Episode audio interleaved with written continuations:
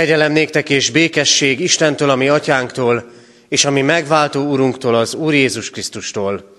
Amen. Kedves testvérek, Isten tiszteletünk kezdetén énekeljük fennállva a 298. dicséretünk első versét. 298. dicséretünk első verse így kezdődik. Jer Krisztus népe, nagy vígam.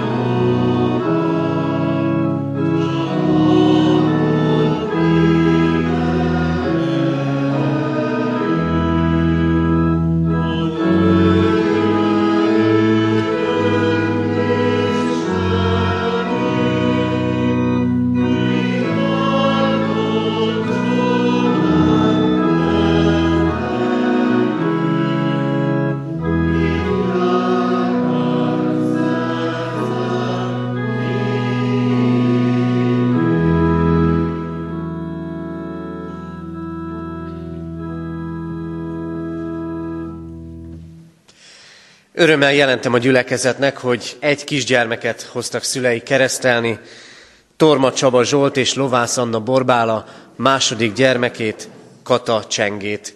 Készüljünk most a keresztelőre, énekeljük a 329. dicséretünk második verszakát. A 329. dicséret második verse így kezdődik. Nem éltem még e föld színén, te értem megszülettél.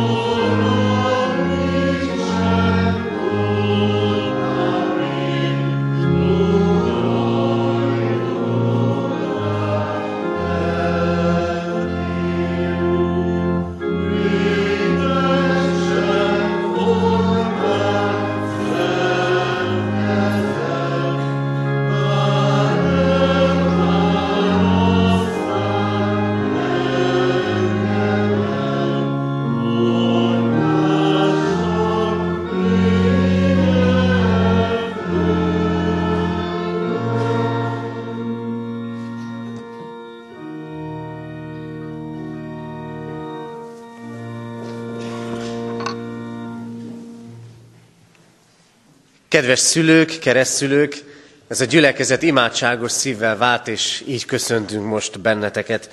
Áldjuk a mi Úrunkat, Istenünket, hogy arra indított benneteket, hogy elhozzátok gyermeketeket, hogy részesüljön a keresztség szentségében. Hisszük azt, hogy az Isten szándéka, akarata az, hogy a ti gyermeketek is Jézus Krisztus követője legyen. A feltámadott Krisztus mielőtt átment mennyei dicsőségébe, következő szavakkal hatalmazta fel tanítványait a keresztség szentségének kiszolgáltatására. Nékem adatot minden hatalom menjen és földön. Elmenvén azért tegyetek tanítványokká minden népet, megkeresztelve őket az atyának, a fiúnak és a szentléleknek nevébe, tanítva őket, hogy megtartsák mindazt, amit én parancsoltam nektek. És íme, én veletek vagyok minden napon a világ végezetéig. Ehhez olvasom még Isten igéjét, ahogy szól és szólít benneteket, Ézsaiás próféta könyve 9. fejezetének 5. versében. Így szól Isten igéje, mert egy gyermek születik nekünk, fiú adatik nekünk, az uralom az ő vállán lesz, és így fogják nevezni. Csodálatos tanácsos, erős Isten, örökkévaló atya, és békesség fejedelme. Amen. A gyülekezet foglaljon helyet. Kedves szülők, keresztülők, azt hiszem, hogy nagyon szép dolog az, amikor ennyire összeér, összetalálkozik a karácsony ünnepe, és a ti gyermeketeknek a keresztelője. Mert egy proféciából olvastam egy részletet, egy gyermek születik nekünk, fiú adatik nekünk, Jézus Krisztusról, az eljövendő megváltóról szól ez az ige, ez a profécia. Az emberré lett Istenről. És itt van a ti gyermeketek, Kata Csenge, elhoztátok azért, hogy részesüljön a keresztségben, és nagyon aranyosan, mintha tudná, hogy őróla beszélünk róla is, még egy mosolyt is kiutalít nekünk, akik figyelünk rá. Karácsonyi keresztelő. Nagyon szép utalás ez arra, hogy milyen szépen összeér az emberi élet az Isten tervével és szándékával. Hogy minden élet az Isten ajándéka. Hogy a gyermek, a ti gyermeketek is benne volt az Isten tervében. Ajándékként adta nektek, és rátok bízta őt. Megbízatást adott nektek. És az Isten tervében benne volt az a gyermek is, akinek születésére karácsonykor emlékeztünk és emlékezünk, ami az ember megváltását, a mi megváltásunkat jelenti. A keresztség nem más, mint szövetségkötés. Szövetségkötés Isten és ember között, és most ti szülőkként és keresztülőkként tulajdonképpen a ti gyermeketek nevében kötitek meg ezt a szövetséget az Istennel.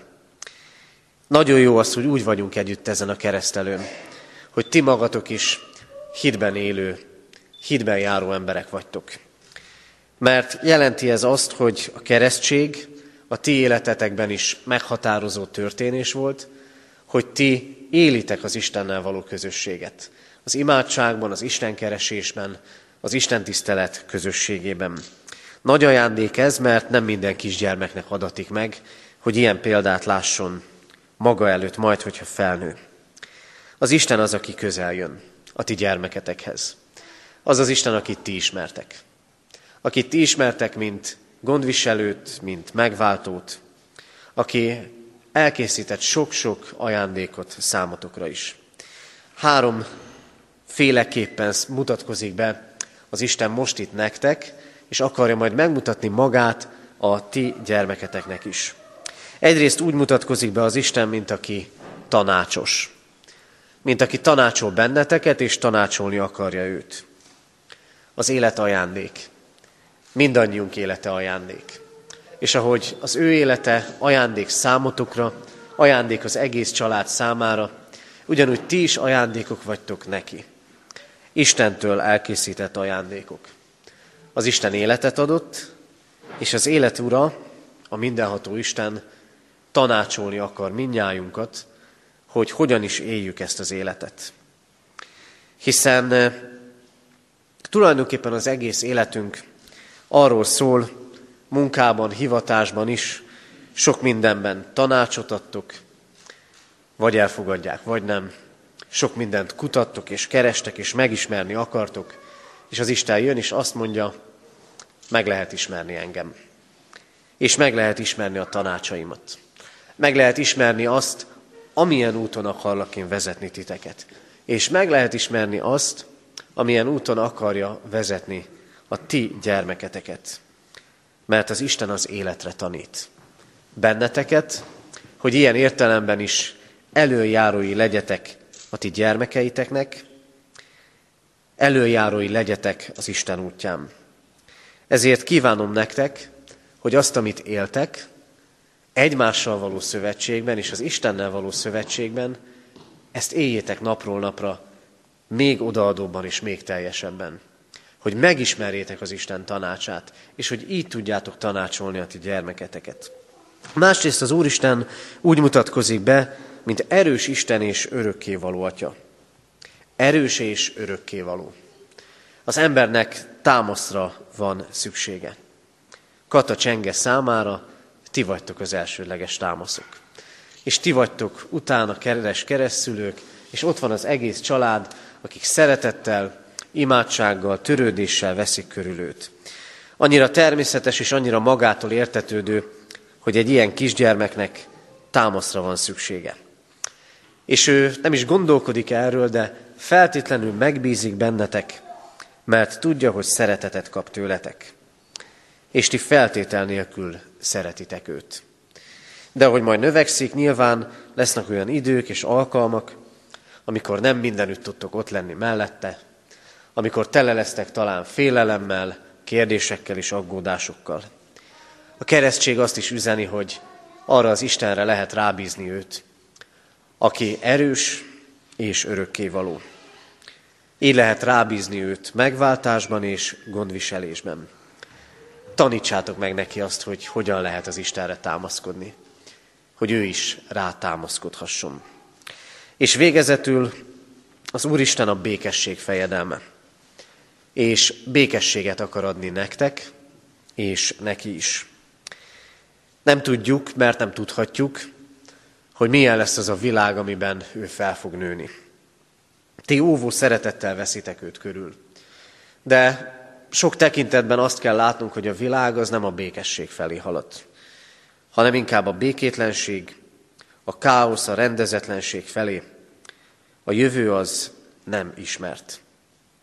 És jön az Isten, és azt mondja, én békességet adok neki, és békességet készítek nektek. Mert az Isten küldetése, Krisztus küldetése ezen a világon ez volt. Megbékéltesse az Istent az emberrel, hogy lelki békét adjon nekünk. Akkor is, amikor talán kívül a mindennapi életben sokféle nehézség és kihívás van. Ezért azzal a bizalommal tekintsetek a jövőbe, hogy az Isten békességet fog munkálni az ő szívében is, és a ti szívetekben is.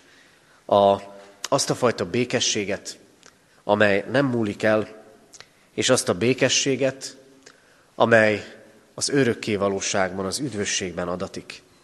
Mert a keresztség erről szól, hogy Krisztus megváltó szeretete rá is érvényes. Neki is az örök életet készítette el. Kívánom nektek, hogy ismerjétek úgy az Istent, mint aki tanácsolt titeket, mint aki békességet ad, mint aki erős Isten.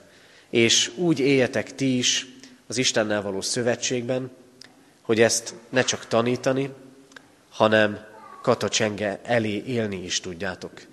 Hogy megismerje ő is az Istent, mint tanácsost, mint békesség fejedelmét, mint erős Istent és örökkévaló atyát.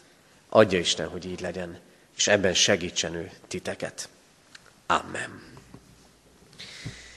Isten üzenetére válaszul most valljátok meg hiteteket a gyülekezettel együtt, mondjuk el fennállva közösen az apostoli hitvallást. Hiszek egy Istenben, mindenható atyában, mennek és földnek teremtőjében, és Jézus Krisztusban, az ő egyszülött fiában, a mi Urunkban, aki fogantatott Szentlélektől, született Szűz Máriától, szenvedett Poncius Pilátus alatt, megfeszítették, meghalt és eltemették. Alászállt a poklokra.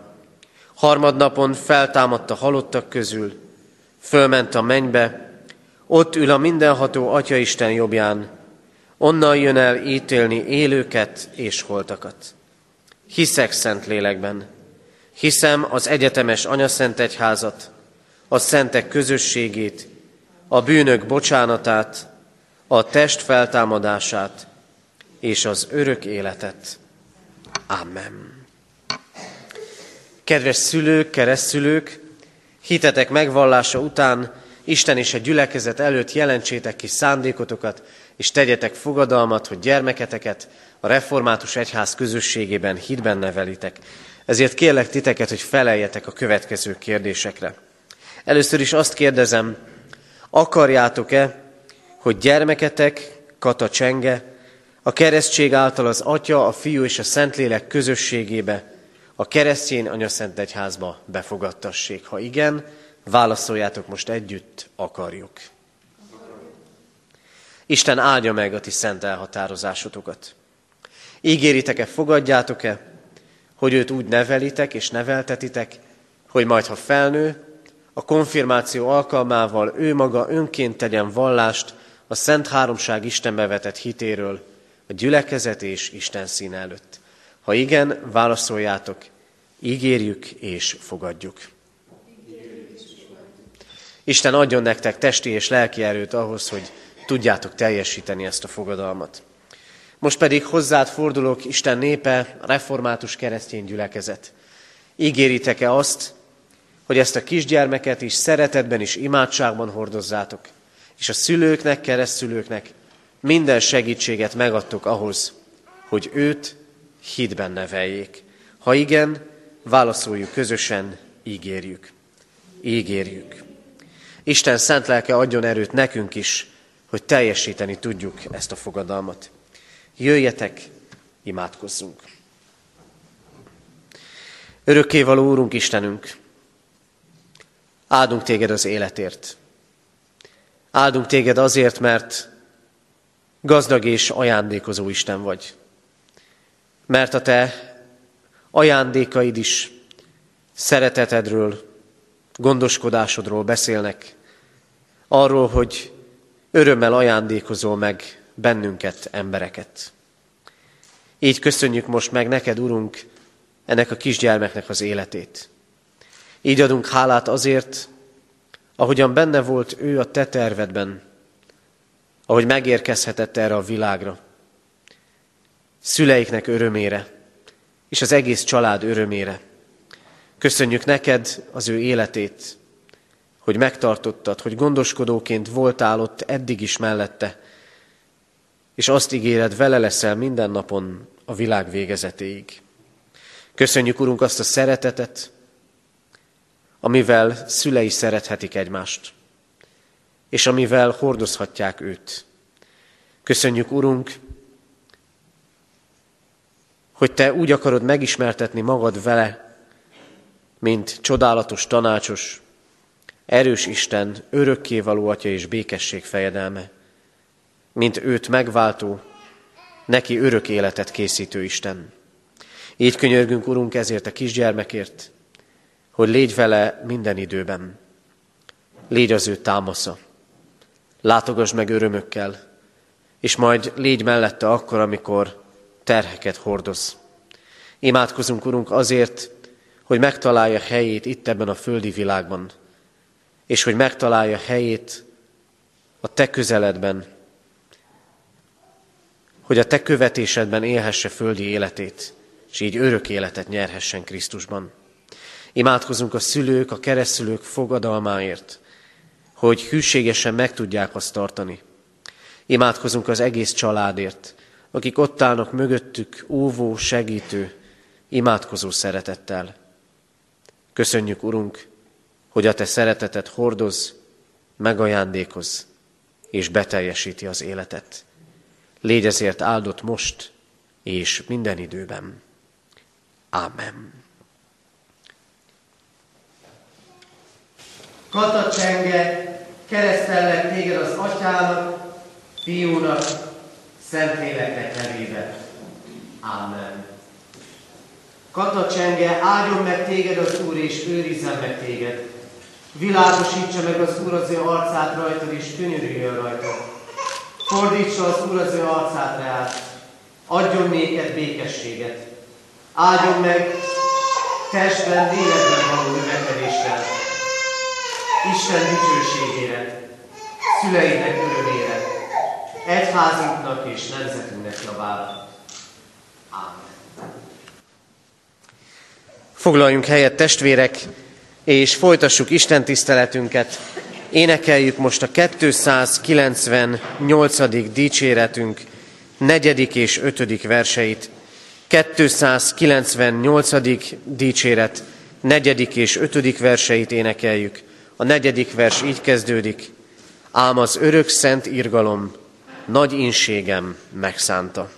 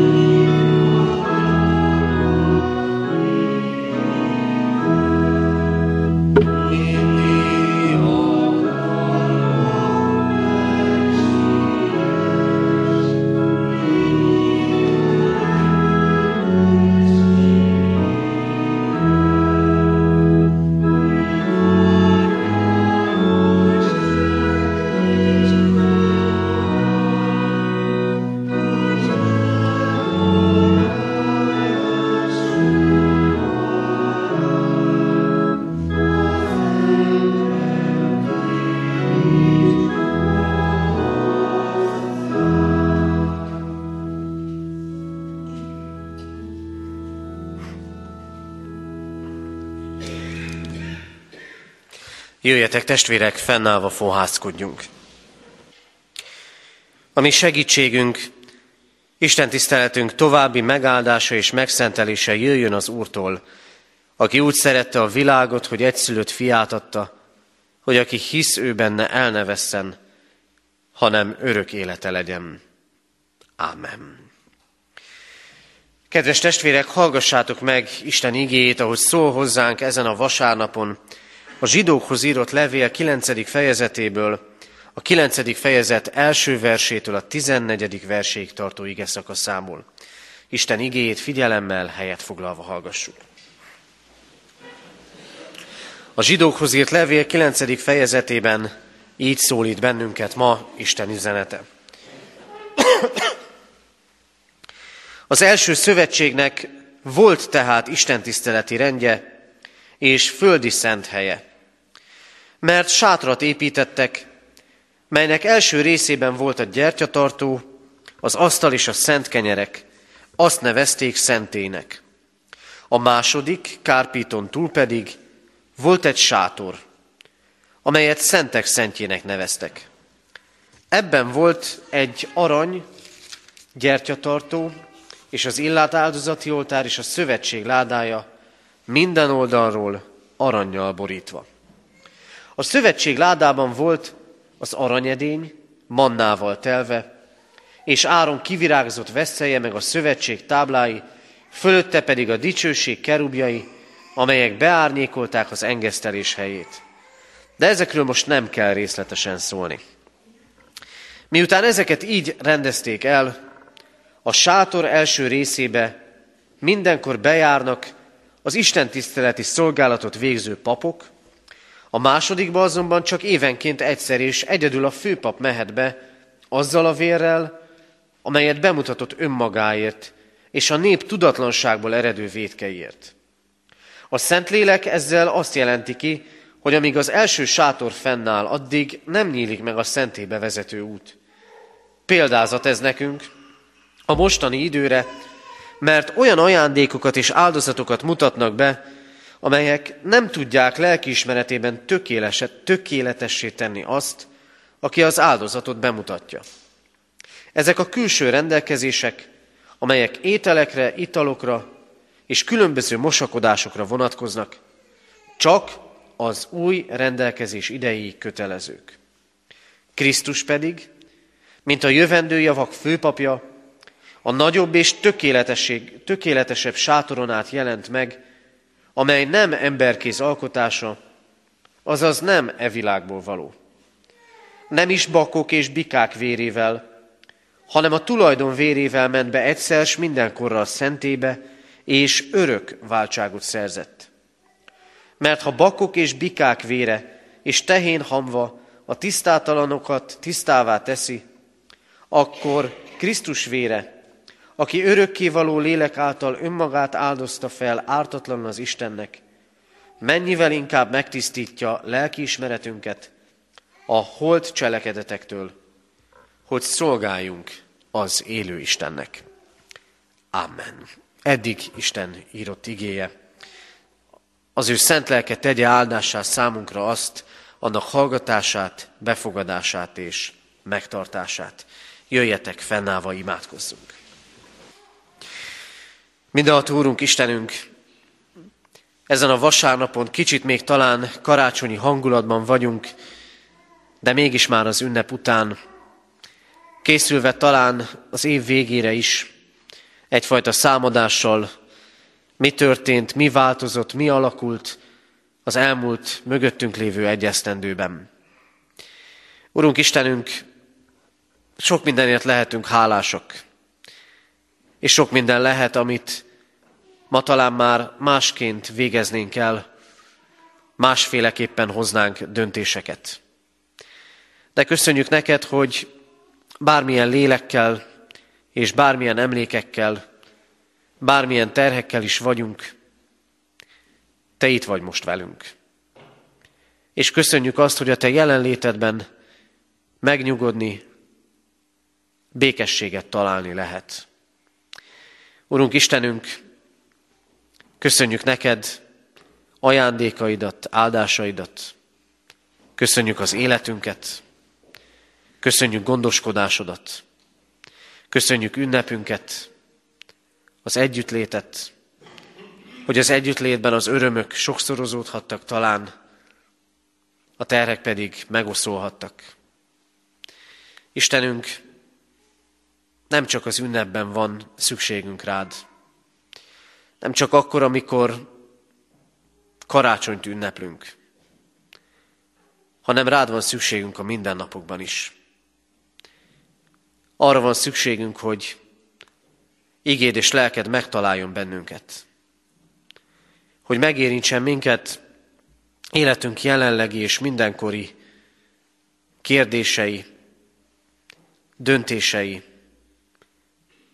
rendezetlen vagy rendezésre váró dolgai között. Úrunk, köszönjük neked az áhítat csendjét. Azt a csendet, ami nem annyira a külsőségekben, inkább a lélekben teremtődhet meg. Ezt a csendet kérjük most tőled, Urunk, ott a lelkünk mélyén. És azt, hogy ebben a csendben te szólíts minket, a te örök és mindig aktuális igéd által. Adj nekünk így készséget rád és téged befogadni. Amen. Készüljünk most Isten igének hallgatására a 329. dicséret negyedik versének éneklésével. A 329. dicséret negyedik versét énekeljük. Ez így kezdődik. Csak nézlek boldog szívvel, és nem győzlek nézni téged.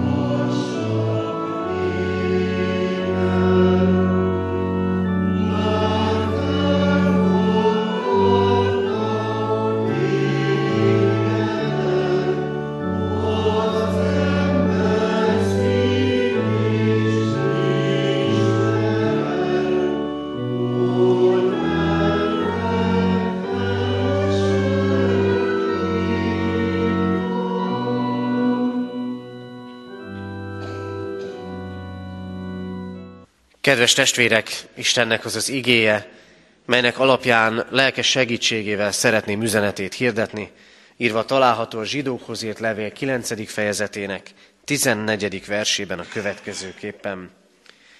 Krisztus vére, aki örökkévaló lélek által önmagát áldozta fel ártatlanul az Istennek, mennyivel inkább megtisztítja lelkiismeretünket a holt cselekedetektől, hogy szolgáljunk az élő Istennek.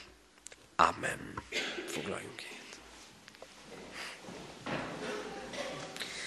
Kedves testvérek, talán egy kicsit furcsálottuk a hosszabb felolvasott ige szakaszt, amely a zsidókhoz írt levél egy olyan részlete volt, amely kicsit részletesebben taglalja azt, hogy hogyan is nézett ki a zsidóság temploma, és a templom különböző részeiben milyen berendezési tárgyak voltak.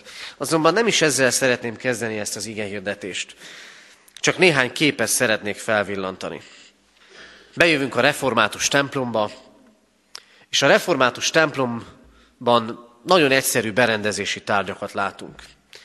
Nem igen van olyan tér, vagy nem igen van olyan részlete a templomnak, ahol ne állhatna meg bárki. Gondoljunk csak arra, hogy például a 24. karácsonyi műsorban is itt álltak a gyermekek a szószék lépcsőjén, onnan szavaltak és onnan énekeltek. De sok más példát is lehetne mondani. Jelképe ez annak talán, hogy igen, az Isten ott van közöttünk, és jelenlétébe von bennünket. Aztán, hogyha egy katolikus templomba lépünk be, akkor a padsorokon túl ott látjuk az oltárt, de arra a része már nem léphet be akárki. Az Isten jelen van, és mégis van egyfajta olyan üzenete a templom berendezésének, hogy van egy távolság az Isten és ember között. És vigyáznunk kell a szent dolgokkal. Ha elmegyünk egy ortodox templomba, akkor pedig talán, hogyha régi ortodox templomba érkezünk, még padokat sem igen látunk, és nem látjuk az oltárt. Mert a templom tértől az oltárt egy díszes fal, ikonokkal teli díszes fal választja el, és az oltár csak amögött van. Mintha azt üzenné, hogy az Isten még messzebb és még nagyobb távolságban van a maga szentségében. Azt gondolom, hogy nem kell állást foglalnunk abban a tekintetben, hogy melyik is az igazabb ábrázolás, mert úgy gondolom, hogy mind a háromnak, a református, katolikus, ortodox templomnak is van valamiféle üzenete. Hogy az Isten egyszerre szent, akinek a jelenlétében nem érkezhetek, és nem lehetek ott akárhogyan, de az Isten mégis itt van közöttünk. És úgy lehetünk ott vele, hogy személyesen találkozhatunk és beszélgethetünk. A zsidókhoz írt levél zsidóból lett keresztjéneknek íródik, vagy olyanoknak, akik zsidó vallásúak, de a Szent Író szeretné megszólítani őket a saját vallásuk keretei között. Ezért van nagyon sok ószövetségi leírás benne, amelyek végén mindig Krisztushoz érkezik meg. A templom udvarból, szentéből és szentek szentjéből állt, a templom udvarába is már csak a férfiak léphettek be, a szentébe már csak a papok, a szentek szentjébe, a legbelső részbe, ahol a szövetség ládája is volt, már csak a főpap, ő is csak évente egyszer. Mintha azt üzenné ez nekünk, és gondoljunk most erre így, hogy az Isten körül különböző körök, különböző távolságban vannak emberek. Azt üzeni ez számunkra, és így kell gondolkodnunk nekünk is, hogy igen, vannak olyan emberek, akik, fogalmazom most úgy, elég lazán és távolról élik meg az Isten kapcsolatukat. Nem azokra gondolok, akik soha nem járnak el a templomba, mert ők aztán végképp nem tartják ezt fontosnak. De van, aki azt mondja, hogy évente egyszer, évente kétszer, a nagy ünnepeken. Aztán vannak, akik havonta, havonta egyszer azért el kell jönni a templomba. És vannak, akik hetente, vannak, akik naponta imádkoznak. Érezzük azt, hogy másfajta kapcsolatot feltételez az, ha valaki napi közösségben és közelségben van az Istenhez, mint aki csak néha-néha él ezzel a lehetőséggel. De föltettük el már a kérdést, hogy miért is kell nekünk az Isten jelenlétében lenni? Miért is van szükség arra, hogy megéljük az Isten kapcsolatot? Hogy magával az élő Istennel találkozzunk. Nos, ebben igazít el bennünket ez a mostani ige. És üzenni számunkra először is azt, vigyázzunk, mert hitünk külsőségei nem fognak soha megtartani bennünket. A hitünk külsőségei soha nem fognak megtartani bennünket. Hallottuk a keresztelő alkalmával is, hogy szövetséges viszony van Isten és ember között. Szövetség. De olyan szövetség, ami nem egyenlő felek között köttetik. Mert hát az Isten hatalmas. Az ember meg hozzá képest kicsi.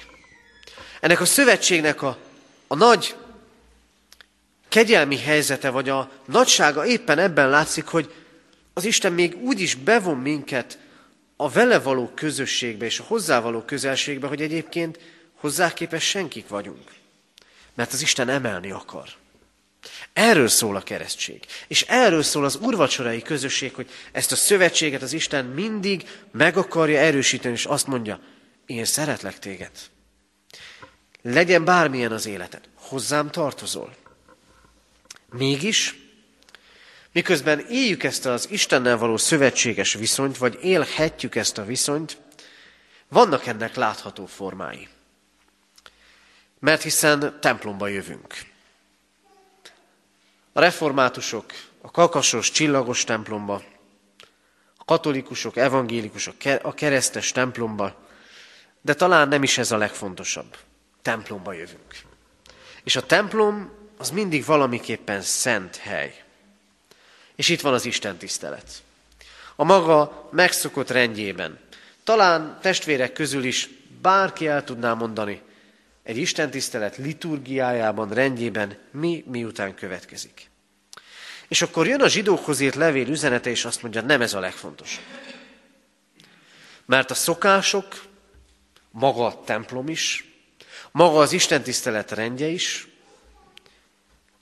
kiüresedhet, és tartalom nélkülévé válhat. Az Ószövetség korában a proféták rendre azért szóltak, mert az emberek kiüresítették az áldozati szokásokat. Az Ószövetség korában az Isten temploma elpusztult. Még ezt is megengedte az Isten. Sokkal inkább arra akarja irányítani a tekintetünket, hogy a belsőre, a lélekre figyeljünk oda. A láthatóból, az égre mutató toronytól jussunk el a mennyben, de egyszer, mint közöttünk lakozó Istenhez. Az Isten ereje, az egyház ereje és a hitünk ereje nem épületekben és szokásokban van. Nem volt-e templom az, amikor a háború idején óvó helyeken jöttek össze imádkozni, Bibliát olvasni. Nem volt-e templom az, amikor talán börtönök mélyén, fogolytáborokban vagy akárhol, netán a szabad ég alatt összejöttek emberek imádkozni, könyörögni az Istenhez. Ott, ott volt a templom. Ott, ott volt a szent hely és szent idő, ahol volt imádság és szólt az Isten üzenete. Fontosak az épületeink. Hálásak vagyunk a templomunkért, az elkészült gyülekezeti termünkért, de vigyázzunk a sorrendre, mert mindez csak másodlagos. A legfontosabb, hogy hol van a lélek. A legfontosabb, hogy a lélek az Istennél van-e. Mert miről szól a templom, és miről szól az Isten? És miről szól az Isten tisztelet? Van egy aranyos kis történet, orvos szülők tanítják a gyermeküket az Isten dolgaira, és hát éppen arról beszéltek, hogy hát az Isten az a mennyben lakik. És akkor elmentek egy templom mellett. Egyébként templomba járók voltak. És akkor, mert a gyerekektől néha sokat lehet tanulni, az orvos szülők gyereke okosan megkérdezte a szüleit, hogy az rendben van, hogy az Isten a mennyben lakik, de akkor a templom az ő rendelője. És valahol tényleg így van. Nem az egészségeseknek van szükségük orvosra, mondja Jézus, hanem a betegeknek. Nem azért jöttem, hogy az igazokat hívjam, hanem a bűnösöket. Az Isten jelenlétében lehetünk mindig, templomban és templomon kívül. Mégis, miközben otthon is imádkozhatunk, és kell is imádkoznunk, kell a közösség. Kell, hogy együtt legyünk, hogy együtt erősödjünk. Mert minden istentiszteleti alkalom találkozó lehet a feltámadott és élő Krisztussal, az emberélet Istennel. Hogy eljöjjünk az ő jelenlétébe, hogy békességet találjunk a békesség fejedelménél. Hogy letegyük a védkeinket. Hogy megbékéljünk azoktól a dolgoktól, amik hatnak ránk, és elé az Istennek a terheinket is hogy átéljük a megváltás felszabadító erejét. Az ige arra figyelmeztet, vigyázzatok, nehogy a külső legyen a minden. A vallásosságban sem. Fontos a külső, fontos a templom, az Isten tiszteleti rend, még fontosabb, hogy mi van a lélekben. A templom, az Isten tisztelet az elénekelt ének, az imádság, az igehirdetés kaput, utat nyit az Isten felé. Hol jársz ezen az úton? Csak a külsőségeknél, vagy lélekben megérkezve és találkozva az Istennel? Miért jön az Isten? Azért jön, mert a lelkiismeretünket akarja megtisztítani. A lelkiismeret fontos műszer. Döntéshelyzetbe kerülünk, és megszólal a lelkiismeret. Azt mondja, ezt nem biztos, hogy meg kellene tenni. Vagy éppen ellenkezőleg azt mondja, el kellene indulni, és megtenni, segíteni, fölhívni azt az embert, beszélni vele. Meg kellene tenni. Aztán fontos műszer azért, mert megtettünk, vagy éppen elmulasztottunk valamit, és értékel. És azt mondja a lelkiismeret, jól tetted, amit tettél. Vagy éppen azt mondja, ezt nem így kellett volna. Fontos műszer a lelkiismeret, csak egy baj van vele, nagyon könnyen elállítódik. Ki fogja és mikor fogja újra hangolni? Az ige világosan beszél. Krisztus azért jött, azért adta ő magát, hogy megtisztítsa lelkiismeretünket. A lelkiismeretünknek kell megtisztulnia. Év végéhez közeledünk, és ez mindig alkalmat ad a számvetésre. Számot kell vetnünk az életünkkel. Számot kell vetni a munkánkkal. Tettük-e a dolgunkat? Tettük-e a feladatainkat hivatásszerűen? Tettük-e tessék, lássék módjára, vagy őszintén és szívvel? Embereknek akartunk abban is tetszeni, vagy az Istennek? Tudtuk-e azt, hogy a mi Urunk akkor is figyel, amikor ember nem kér számon bennünket? Nem kell -e megtisztulni a lelkismeretünknek ezen a téren? És mi a helyzet az emberi kapcsolatainkkal? Megéltük-e a teljes szeretetet? A szeretet vezérelte bennünket emberi dolgainkban. Hogyan voltunk benne a konfliktusainkban? Haragot szítottunk, vagy békét teremteni akartunk? Emberi kapcsolatainkban első volt-e a család? És minden más csak utána jötte. Meg, kell tiszt, meg kell tisztulni a lelkiismeretünknek. Ha arra gondolunk, hogyan éltünk a családban az elmúlt időben. És mi a helyzet az Istennel való közösségünkkel? Engedelmesek voltunk-e? Ott volt-e bennünk a hitünk megélése, otthon, csendes imádságban és Isten tiszteleti közösségben? Engedelmeskedtünk-e, hittünk-e, tudtunk-e reménykedni? Nem kell -e megtisztítani a Krisztusnak lelkiismeretünket is? A lelkiismeret terhelhet. Lelkiismeretünkben hordozhatunk megoldatlan dolgokat, és őszintén szólva, évvége felé közeledve, én is számvetést készítek, és néha-néha, főleg amikor igehirdetésre készülök, jutnak eszembe sok olyan feladatok, jut eszembe sok olyan feladat, ezt is meg kellett volna tenni. Oda is el kellett volna menni. De testvérek, milyen jó, hogy Krisztus azt mondja, én megtisztítom a te lelkiismeretedet. Nem külsőleg, hanem ott belül. Kérjük ezt a megtisztulást. Mert Krisztus azt mondja, valóban tiszta lesz. Megszűnhet a teher, megszűnhet a nyomasztó érzés. És végezetül azért van szükségünk Istennel való élő kapcsolatra, mert ő az ő szolgálatára akar elvezetni bennünket. Emlékszünk arra talán, azt mondtam az igehirdetés elején, az Isten körül úgymond körök vannak, van, aki közelebb van, van hozzá, van, aki távolabb van tőle. És ott akkor a régi időkben, az Ószövetség korában csak a papoknak volt a kiváltsága, hogy bemehessenek a szentébe és a szentek szentjébe. És jön Krisztus, az emberélet Isten, aki meghal a kereszten, és mikor meghal a kereszten, a templom kárpítja, amely a legbelső részébe vezet a templomba, ketté hasad, jelképezve szabadon mehetsz az Istenhez. Neked nem ott a hátsó sorokba kell kullogni akkor, amikor az Úristent keresed.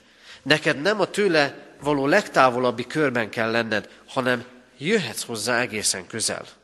Nem csak papok, nem csak lelkipásztorok, nem csak egyházi tisztségviselők, mindenki. Az Istennel való találkozás lélekben és a lelkiismeret megtisztulása után Isten tovább akar vezetni bennünket, és azt mondja, szolgálj nekem. megtisztítja lelkiismeretünket a holt cselekedetektől, hogy szolgáljunk az élő Istennek. Mindenki szolgálhat az Istennek. Mindenki. A reformáció egyik nagy felfedezése volt ez. Úgy fogalmazták meg, egyetemes papság. Mindenki tartozik felelősséggel az Isten ügyért, az Isten egyházáért, aki benne él. És a szolgálat, a vállalt szolgálat fokmérője annak, hogy vajon indította már minket az Isten. Az Isten készségessé tesz, készségessé a szolgálatra. Szolgálat az engedelmesség, az ember szeretet, a róla való bizonságtétel, szolgálat az imádság, és ez mindenkinek szolgálata. Egyszer olvastam egy történetet egy idős gyülekezeti tagról, aki hosszú évtizedeken keresztül takarította a templomot, de aztán eljött az idő, hogy leesett a lábáról legalábbis annyira, hogy ezt a szolgálatot már nem tudta elvállalni. De rövid idő után már nem kesergett. Amikor a lelkipásztora beszélgetett vele, azt mondta neki, tiszteletes úr, eddig ebben a szolgálatban álltam. És eddig is imádkoztam, de tudom, a kezemet még mindig össze tudom tenni. És most ebben a szolgálatban akar engem erősíteni az Isten. Az imádság szolgálata mindenki, akik itt vagyunk. És sokféle szolgálat van. Az, ahogy rendet tartunk, ahogy itt vagyunk szolgálóként gyermekisten tiszteleten, vagy éppen a hangosításban, vagy éppen a templom takarításban, mind-mind az a terület, amiben az Isten beleállított minket. Készségessé tesz a szolgálatra a gyülekezet közösségében. Adjunk ezért hálát, és adjunk azért hálát az Istennek, hogyha ezt megérlelte a szívünkben, ha pedig még így nem találtuk meg a helyünket, hiszen minnyájunkat valamilyen feladatban akar látni az Isten. Kedves testvérek, a zsidókhoz írt levél egészében a külső, a látható dolgoktól mindig eljut az Isten üzenete, a lélek titkaiig, a lélek dolgaiig. Nekünk is így kell tenni. Vezessen minket az Isten arra, hogy ne elégedjünk meg a külsővel, a láthatóval, mert az önmagában nem fog megtartani bennünket, hanem keressük a lelkit, keressük a lényeget, a Krisztussal való találkozást. És történjék meg ez úgy, hogy év végéhez közeledve és számot vetve a mögöttünk lévő esztendővel, kérjük, tisztítsa meg lelkiismeretünket ahogy az ige mondja, a holt cselekedektektől úgy, hogy készek maradjunk és készek legyünk szolgálni a mi Urunkat. Így legyen. Amen. Kedves testvérek, Isten üzenetére válaszul énekeljük most a 298. dicséretünk utolsó, azaz tizedik versét, 298. dicséretünk, tizedik verse így kezdődik. Mit tettem és hirdettem én, azt kövess szóban, tedben.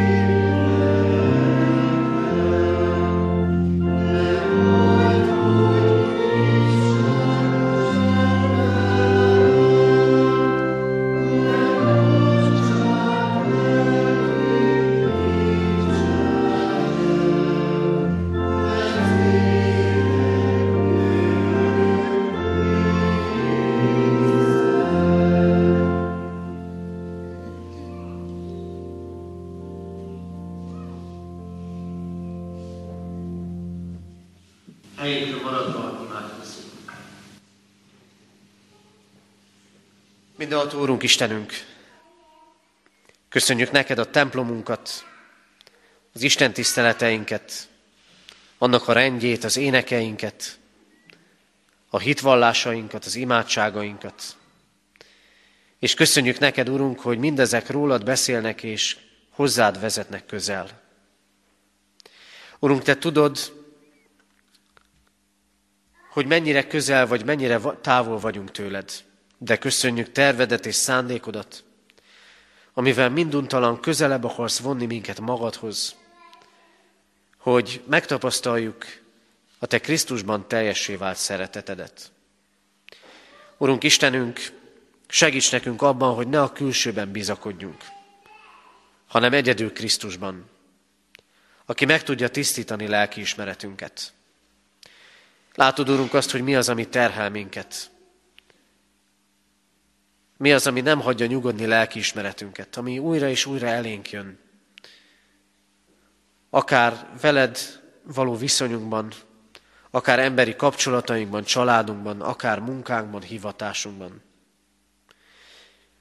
Vezess minket arra, Urunk, hogy úgy tarthassunk önvizsgálatot, hogy abból a rossz elhagyása és a jóban való megerősödés következhessen. Istenünk, köszönjük azt, hogy szolgálatra hívsz el bennünket. Az imádság sokféle segítés szolgálatára. Add, hogy így is megtalálhassuk helyünket, és élhessünk a Te dicsőségedre. Urunk, köszönjük neked, hogy nem szűnsz meg magadhoz vonni bennünket. Könyörgünk hozzád, Istenünk, gyülekezetünk minden tagjáért, kicsikért, nagyokért, idősekért, kisgyermekekért, mindenkiért. Adj csendességet nekünk ezekben a napokban. Imádkozunk hozzád, Urunk, a betegekért, és a mellettük lévőkért, hogy adj mindehez testi és lelki erőt nekik. Imádkozunk, Urunk, a gyászolókért, a temetni készülőkért, a köztünk lévő gyászoló családért. Kérünk, hogy lásd szomorúságukat, és éreztesd mégis közelségedet, vigasztaló jelenlétedet. Imádkozunk hozzád, Urunk, ami egész egyházunk szolgálatáért hogy ne csak külsőségekben nyilvánuljon meg, hanem tudjuk hirdetni Krisztust lélektől lélekig. Imádkozunk, Urunk, azokért, akiknek elfogyatkozott a hitük, akik azt gondolják, csak külsőségekben kell megélni a vallásosságot.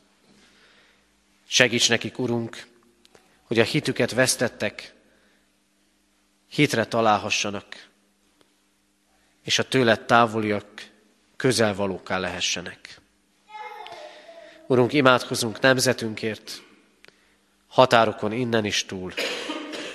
Imádkozunk a vezetőkért, egyházunkban, városunkban, országunkban és az egész világon.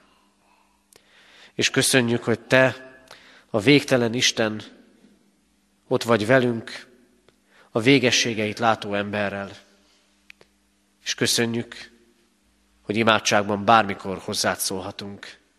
Ezért kérünk, hallgass meg most, amit csendben elmondott személyes imádságunkat. Amen.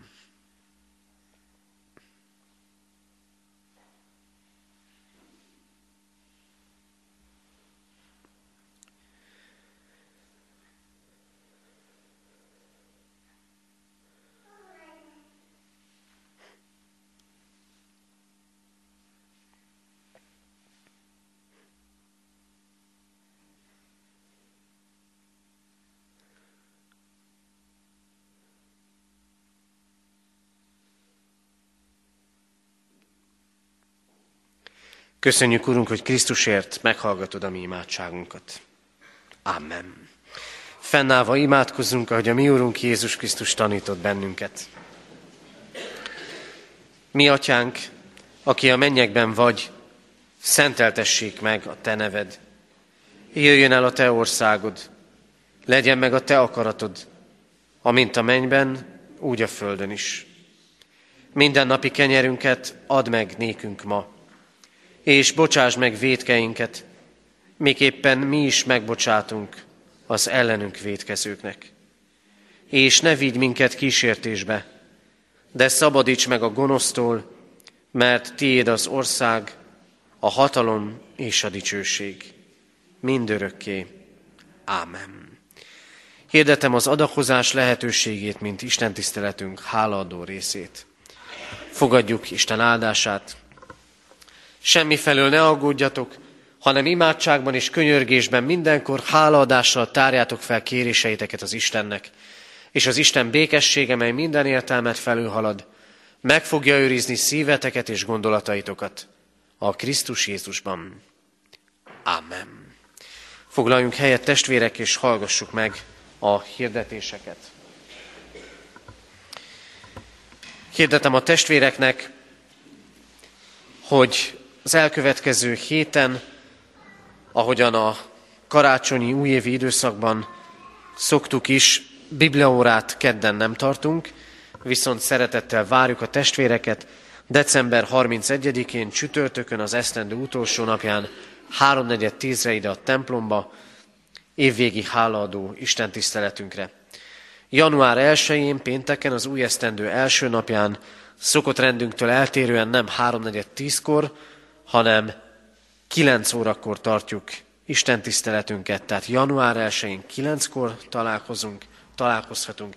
Ez alkalommal urvacsorai közösségben is együtt lehetünk.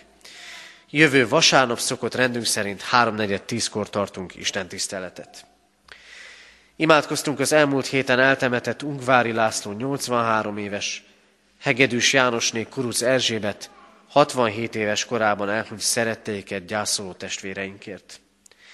Halottaink vannak, Szalai István 88 esztendőt élt.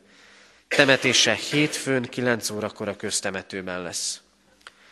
Perger Miklósné, Horváth Julianna Zsuzsanna 71 esztendős korában hunyt el. Temetése kedden 3.4.12-kor a köztemetőben lesz. Benke János Mátyás 53 évet élt. Temetése kedden 11 órakor a református temetőben lesz. Isten végasztaló szeretetét és közelségét kérjük és kívánjuk a gyászolóknak. Adományok érkeztek az elmúlt héten egyházfenntartói járulékként 191.865 forint, Isten dicsőségére 40 ezer, különböző diakóniai szolgálatokra 60 ezer, urvacsorai jegyekre 5 ezer forint adomány érkezett. Az Úr legyen a mi gyülekezetünk őriző pásztora. Isten tiszteletünk zárásaként énekeljük most a 319. dicséretünknek első, második, harmadik és negyedik verseit. 319. dicséretünknek első négy verszakát énekeljük el. Az első verszak, verszak így kezdődik, kezdetben volt az ége.